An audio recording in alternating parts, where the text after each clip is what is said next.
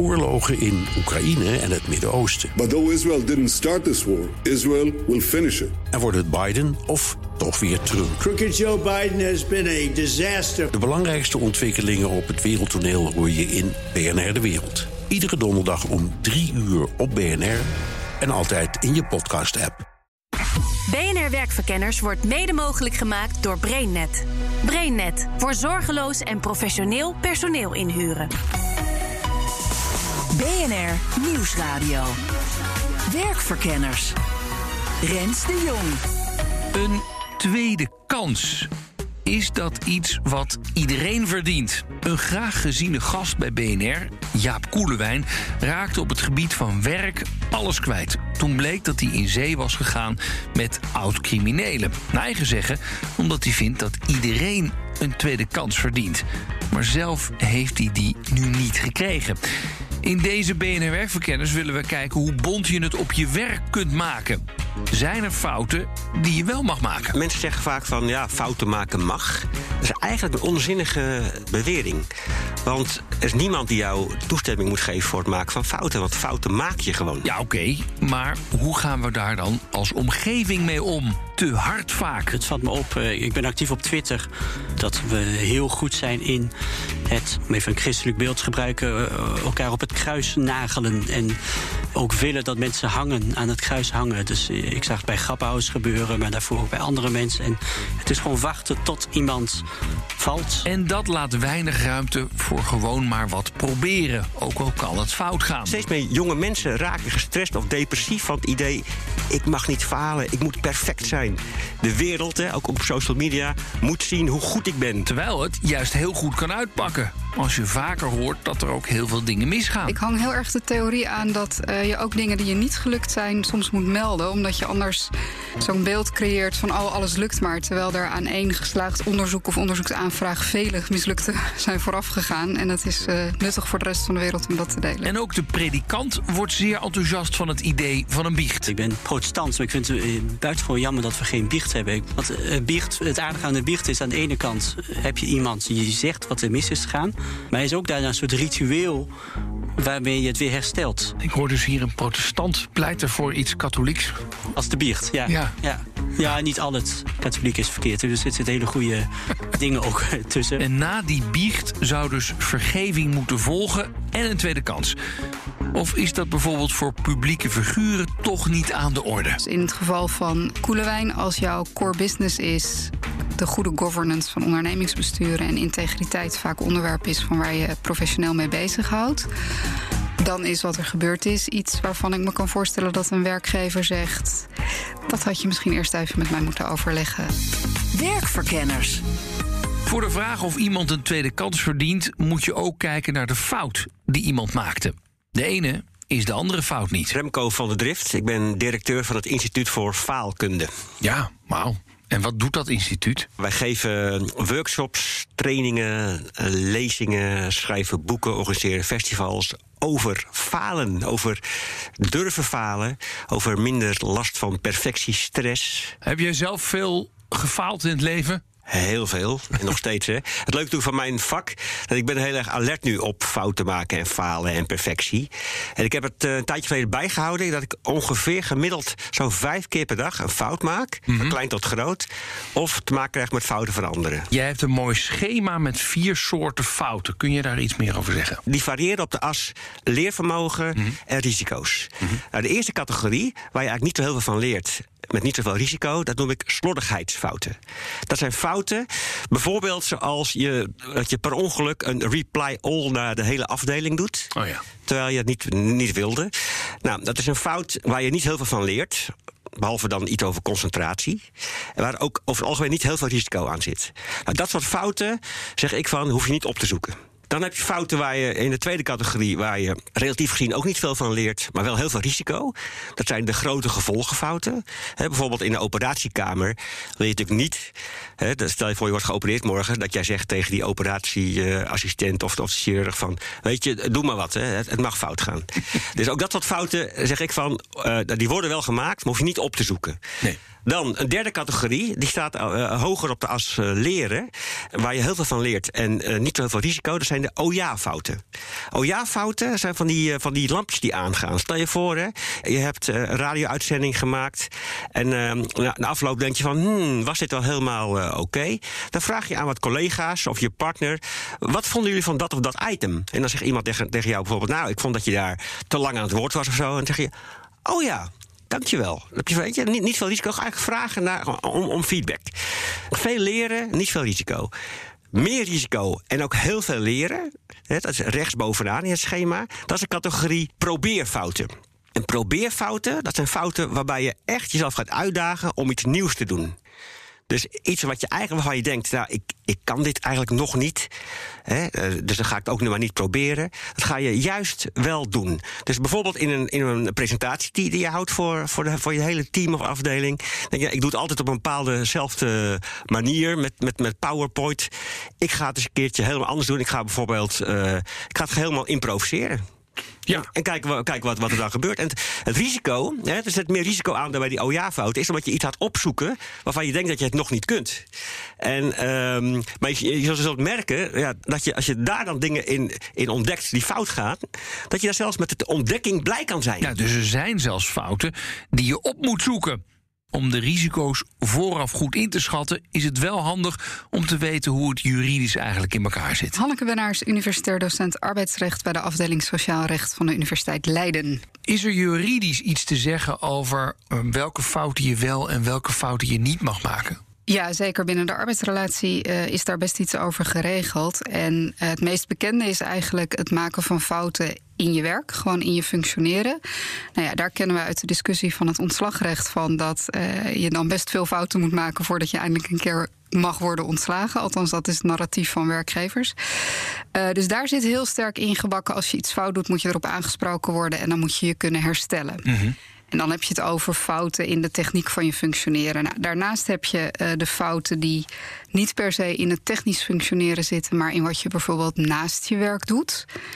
Uh, als je werkt voor um, een vleesverwerkend bedrijf en je hebt daar een min of meer publieke functie en in je vrije tijd ben je actief en openlijk voorvechter van wakker dier. Nou, is dat een fout? Nee, voorvechter van wakker dier zijn is geen fout. Maar dat had je misschien wel even moeten afstemmen met mm -hmm. je werkgever. En daar, daar zie je dat uh, er iets minder tolerantie is. Ook dan moet je weten waar je aan toe bent, wat je wel en niet mag doen buiten je werk. Maar daar moet het soms ook gewoon wel duidelijk zijn. Maar je zegt, het is niet eens zo heel makkelijk om ontslagen te worden om een fout. Er zijn natuurlijk wel categorieën waar je door één fout ontslagen wordt. Zeker, en dat zijn uh, fouten in de categorie uh, gedragsfouten. Dus keihard iemand in elkaar slaan op het werk is een fout. En dat leidt meestal tot een ontslagbestaande voet dat stand houdt. Uh, fouten in je functioneren, zoals bijvoorbeeld een bepaalde lopende band stopzetten, waardoor er heel veel schade ontstaat. En wat je echt niet had moeten doen en wat echt een fout is. Ja, dan moet er echt wel een opzetachtige achtergrond zijn. Mm -hmm. dan, dan moet, moet, is het echt sabotage bijna? Precies, dan moet je dat met opzet hebben gedaan om, nou ja.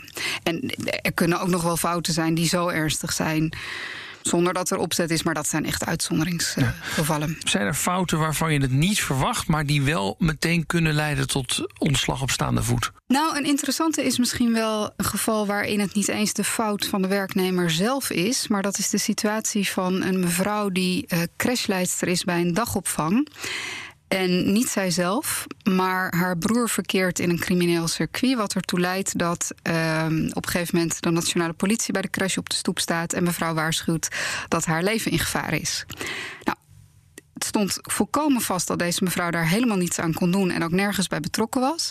En toch heeft de crash uiteindelijk haar mogen ontslaan, omdat het ook de verantwoordelijkheid van de crash was om een veilige omgeving te verzorgen voor de kinderen en de andere werknemers. En die dreiging was zo groot en reëel dat het niet meer verantwoord was haar daar te laten werken. Wauw.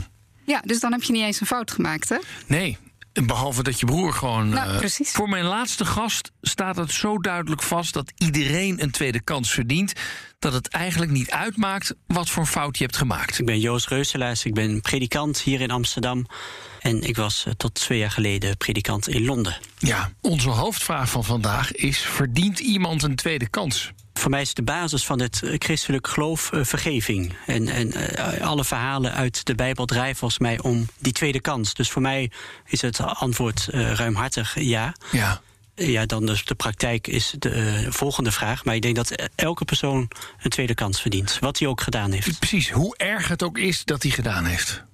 Ja, en dan is de vraag of, of die op alle gebieden tweede kans verdient. Door iemand die, die regelmatig gefraudeerd heeft uh, als bankier. Lijkt me niet verstandig om hem weer bankier te maken. Maar als mens, want daar gaat het uiteindelijk toch ook om. Verdient hij tweede kans en moet je hem als samenleving ook een gevallen politicus of een gevallen bekende Nederlander of wat dan ook.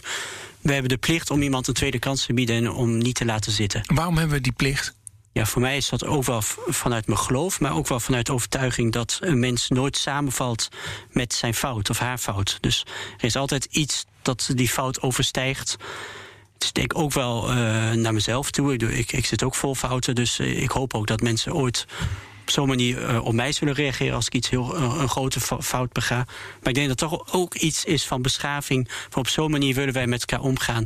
En daar hoort bij dat je elkaar een tweede kans biedt. Wij kwamen op deze uitzending door de val uh, van Jaap Koelewijn. Overigens zeer gewaardeerde gast hier tot voor kort bij BNR. Een professor, zeer veel verstand van zaken. Maar start dus een beleggingsvehikel waar er dus ook één iemand tenminste bij zit die een crimineel verleden heeft in het oplichten van mensen. En Koelewijn zegt zoveel in het FD als daarvan ja, iedereen verdient een tweede kans. Gevolg is overigens dat Koelewijn nu alle status kwijt is. al zijn professorschap, raad van commissarissen, et cetera, is gewoon weg. Wat moeten wij hiervan maken? Ik las het uh, interview met hem uh, op een zaterdag in, in het Financieel Dagblad. Ik heb Koelewij toen een mail gestuurd. Oh. Uh, gezegd ook dat ik het heel mooi vond hoe hij toch vanuit zijn christelijke achtergrond, jeugd, probeert dit soort waarden als vergeving te vertalen. En, en iemand een tweede kans biedt. Ik, ik vond het prachtig verwoord. Ik dacht wel toen ik het las, Koelewijn, de man van de integriteit. Ja, dan, dan weet je ook dat het dubbel zo hard terug kan komen. En nou ja, dat, dat vrees ik en dat is ook gebeurd. Heb je hem daarna nog gesproken? Zeg ja, maar? ja, we oh, ja? elkaar ook juist over vergeving. En uh, ik zou ook, dat, het, dat gesprek blijft ook gaande. Maar ook wat het. Wat doet die hardheid in iemands leven? Uh, dat gevoel van iedereen veroordeelt mij. Ik, ik, heb niet de kans om mijn verhaal te doen. Uh, het, het, oordeel is al, ligt al vast. Ik ja. ben een foute mens. En hij is misschien met verkeerde mensen in zee gaan. Maar aan zijn eigen integriteit twijfel ik geen seconde. Dus ik denk niet dat hij nee. er verkeerde bedoelingen bij had. Maar hij had kunnen weten achteraf dat als hoogleraar integriteit moet je echt wel heel goed opletten met wie je in zee gaat.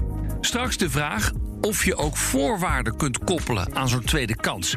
Mag je als werkgever bijvoorbeeld iemand andere werk geven na een fout? Als het een inhoudelijke fout is waarvan het risico te groot is dat het nog een keer gebeurt omdat iemand simpelweg gewoon de kwaliteiten mist. Ja, ik bedoel, nou een heel extreem voorbeeld: een, een chirurg. Ja die te ongeconcentreerd is en fouten maakt, die mag je zeker tijdelijk iets anders laten doen totdat is achterhaald waarom die zo ongeconcentreerd is en hoe die dat kan verbeteren. Ja. Rens de Jong.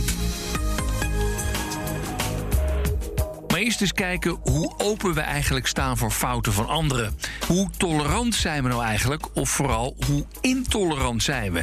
En hoe zorg je op het werk voor een cultuur waarin mensen fouten durven te maken en te bekennen? We leven steeds meer in een verkrampte maatschappij.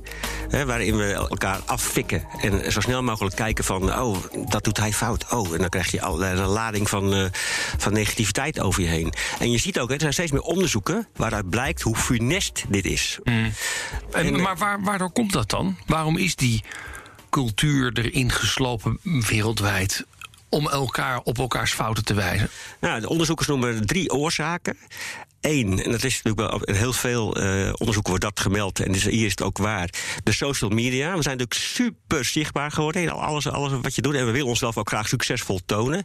Twee, we leven steeds meer in een ik-gerichte maatschappij. Weet je, ik moet het maken. En ik ben degene die het ook kan maken. Hè. Dat is wat maakbaarheid. En als dat niet lukt, nou, dan ben je wel een loser. Dan heb je, dan heb je het echt uh, slecht gedaan. En, ja, en ook steeds meer uh, neocapitalistische maatschappij. Materie is belangrijk. Je moet zo snel mogelijk na je studie moet je een huis hebben en een goede baan en, en een goede auto. En, je, ja, je, je, moet geslaagd zijn in deze maatschappij. En dat is op zich is er is niks mis met succes en, en, en, en, presteren. maar faalkunde gaat erover om naast al dat verplichte succes ook de, de, de, de, fout en de mislukking te mogen omarmen en te accepteren. Kijk, het, het, mooie, jij kan natuurlijk niet de hele wereld veranderen, maar je kan wel zelf beginnen met zelf anders om te gaan met fouten en mislukkingen. En daarmee langzamerhand bijvoorbeeld ja, de cultuur en de sfeer in je eigen bedrijf uh, veranderen. Dus bijvoorbeeld, door wat je kan doen heel concreet, is bijvoorbeeld fouten gaan, gaan delen. Dat, dat alleen al. Of op de, zetten op de agenda. Uh, bijvoorbeeld iedere week. Wie heeft er deze week welke fout gemaakt? En uh, wat, wat, hebben we, wat hebben we eraan? Dat, ja, er zijn zelfs bedrijven, Silicon Valley bedrijven, die daar prijzen voor uitreiken, toch? Ja, prachtig. En ik, ik, ik zeg, je hoeft niet, uh, geen prijs uit te reiken voor de fout aan zich. Maar in mijn, in mijn boek heb ik het over. Ma maak met elkaar bijvoorbeeld een open boek award. Dat je mensen gewoon een, een prijs uitreikt voor het open zijn over je fouten en mislukkingen en probeersels. En ook de predikant merkt op dat we op dit moment vooral heel hard zijn voor elkaar. Ik denk wel door de hardheid en, en die versterkt wordt door social media, waar ook alles zwart-wit is. Ik heb wel het idee dat er de mailtijd wel uit zicht verdwijnt en dat we heel snel zijn. Ik, ik doe daar zelf ook aan mee hoor, dat je heel snel meedoet aan dat oordeel. En waarom doe je er zelf dan ook aan mee, aan dat oordeel? Ja, Als er iemand dit zou, moet, goed zou ja. moeten doen, is het natuurlijk de dominee. Ja, ja nou, het, het, het is heel makkelijk. We denken toch heel graag in goed-fout kaders. En die nuance is een ingewikkelde weg. Hoe zou het zijn en hoe moet je dat doen om een cultuur te creëren waar je fouten maken mag en dus ook uh, vergeven mag worden? Het eerste waar ik aan denk is het, het ouderschap. Als voorbeeld van een, een goede werkgever. Is dat je ook uh, aan je kinderen het vertrouwen blij, meegeeft.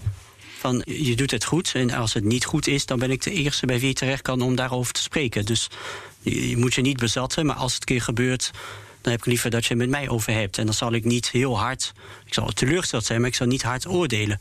Omdat het mij ook is overkomen. En je zou willen dat een werkgever die houding ook naar zijn werknemers heeft. En uh, dat, stelt dus de vraag van hoe ga je om met het imperfecte? En is dan meteen iemand, bam, fout? Of kun je op een, manier, een bepaalde manier met elkaar omgaan waardoor toch de relatie voortgaat voor het werkgever-werknemer, ook al is die fout begaan. Ja. Je vergeleek het met de kruisiging van Jezus. Ja. Waarom deed je dat zo? Omdat de um, kruisiging niet het laatste woord heeft. De, je hebt de opstanding uh, drie dagen later, de Pasen.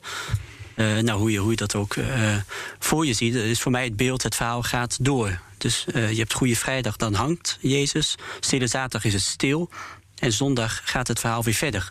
Dus de dood heeft niet het laatste woord, de zonde heeft niet het laatste woord. En daarom gebruik ik het beeld. Wij, wij blijven hangen met dit soort gevallen mannen, zijn het vaak gevallen mannen of uh, organisaties bij Goede Vrijdag. Ja, en daarna is het stil en dan is het weer voor een andere Goede Vrijdag. Maar ik, ik zou graag willen onderzoeken hoe je in deze seculiere samenleving toch kunt zorgen dat het weer Pasen wordt, ook voor gevallen mensen. En hoe vertaal je die paasgedachte nou naar de werkvloer? Ik denk dat op de werkvloer uh, bevorderen dat fouten gemaakt mogen worden en dat je daar open over bent. Wat dat betreft denk ik dat je moet streven niet alleen naar openheid, maar ook naar duidelijkheid. Dus ergens open over zijn en iemand een tweede kans geven, betekent niet dat je het weg moet moffelen en moet doen alsof het niet erg is. Mm -hmm. Je kunt natuurlijk prima zeggen: dit was fout, dat had niet zo gemoeten. En daar is ook best een sanctie voor. Maar dan is het klaar en dan gaan we verder met elkaar. Want je wil een evenwicht tussen een situatie waarin fouten, mensen fouten wel durven toe te geven. Of ook durven te melden als ze ze zien. Omdat ze zich veilig wanen. Dat dat niet meteen een einde oefening betekent. En tegelijkertijd wil je ook dat er van fouten geleerd wordt. En je zou hopen dat mensen dezelfde fout niet keer op keer maken. Zodat er een cultuur ontstaat waarbij je overal mee wegkomt. Dat wil je ook niet. Dus openheid en duidelijkheid. In de voorbereiding van deze uitzending stuurde jij een een filmpje van oud-Amerikaanse president Obama. Wat vond jij daar interessant aan, aan dat stukje? De oproep om, als ik het naar, naar oud-Hollands vertaal, uh, niet meteen te wijzen naar de splinter in andermans oog, maar eerst eens te kijken naar de balk in je eigen oog. Of de oproep eigenlijk om niet iedereen, maar ik geloof dat hij dat noemde, calling out someone, niet iedereen maar ter verantwoording te roepen over van alles en nog wat Omdat uiteindelijk niemand onfeilbaar is. En hij zei het wel mooi: er zijn mensen, goede mensen die slechte dingen doen. En er zijn slechte mensen die ook hele goede kanten hebben. En de gedachte dat één fout iemands wezen meteen definieert. Je hebt een fout gemaakt en daarmee ben jij een slecht iemand. En daarmee verdien jij uitsluiting of straf. Dat is niet op de lange termijn productief voor een prettige samenleving. Als we deze discussie verder willen helpen, zijn we dan gebaat bij meer en beter omschrijven wat er allemaal wel en niet mag? Hè? Dus de ongeschreven regels ook geschreven te maken, of juist andersom dat we het meer loslaten? Vanuit arbeidsrechtelijk perspectief is de tendens eigenlijk een beetje de eerste. Zeker als het gaat om ontslagrecht. Veel preciezer opschrijven waar de grenzen liggen. En daar is ook wel een roep om, rechtszekerheid. Vanuit ander perspectief zou ik zeggen dat gezond verstand toch ook wel, ook arbeidsrechtelijk gezien, ook wel beter is. Want op het moment dat je alles tot achter de komma definieert, dan werk je in de hand dat mensen ook niet meer zelf nadenken en zeggen: ja, maar ik zit aan de goede kant van de streep, dus ik hoef niet meer na te denken, want geen fout. Dus ik zou wel meer zijn voor loslaten en gezond verstand, maar elkaar daar dan wel op aan kunnen spreken. Goed, als we er in principe van uitgaan dat iemand een tweede kans krijgt. Hoe moet die kans er dan uitzien? Welke voorwaarden kun je er volgens het recht aan verbinden? Binnen het dienstverband vind je die in het ontslagrecht. Hè. Daar zijn best wel duidelijke normen over wanneer je iemand dus niet mag ontslaan. En dat omschrijf ik dan maar een beetje als een uh, tweede kans. En een andere situatie is natuurlijk wanneer je als nieuwe werkgever iemand een tweede kans moet geven. Bijvoorbeeld iemand die veroordeeld is geweest, die op een gegeven moment weer terugkomt in de maatschappij en waarvan we met z'n allen vinden dat hij weer de tweede kans moet hebben. In hoeverre heb je daar dan verantwoordelijkheden als werkgever? Nou, deels wel. Bijvoorbeeld doordat je niet zomaar uh, mag vragen naar iemands verleden of naar de redenen waarom iemand is, iemand is weggegaan. Daar mag je wel naar vragen, maar je mag niet ongebreideld onderzoek doen naar of er misschien iets mis is met iemand. Waarbij ook weer geldt dat iemand wel de verplichting heeft om dingen die de werkgever zou moeten weten te vertellen. Maar daar zit wel een zekere bescherming. Tegelijkertijd kun je je afvragen of dat altijd de rol van de werkgever is. Hè? In dat voorbeeld dat ik net schetste over de crashleidster. Ja, die moet op een gegeven moment ook weer ergens anders aan de slag, maar die dreiging blijft. En is het dan. Je kunt je voorstellen dat een werkgever een breder belang heeft dan alleen maar voor dat individu die een tweede kans verdient. En ook al is het goed voor de maatschappij dat ieder individu een tweede kans verdient, heeft elke werkgever, ondernemer ook mm -hmm. andere belangen, zijn bedrijfsbelangen. Ja. Maar ook de, ja, de andere mensen die daar werken enzovoort. Dus daar zit wel een grens aan. Maar als je ervan uitgaat dat een ezel zich in het algemeen niet twee keer aan dezelfde steen stoot, dan heb je er misschien juist wel meer aan om iemand die een fout maakt te laten zitten. Ik denk wel dat we dus te snel zeggen van dit klopt niet, dit kan niet, hij is fout, weg met hem. En dat is zonde. En bovendien, weet je waarom het ook zonde is? Mm -hmm. sturen mensen op belangrijke posities vaak weg als ze iets fout doen. Terwijl ik denk van, als gebleken is, als we als maatschappij vinden, nou, dit is blijkbaar fout. Hoe groot is de kans dat die persoon het nog een keer doet? Een minister, hè? Heel veel ministers worden de laan uitgestuurd als ze een fout maken. Ik denk, ja, dan komt er weer iemand en die maakt misschien weer dezelfde fout.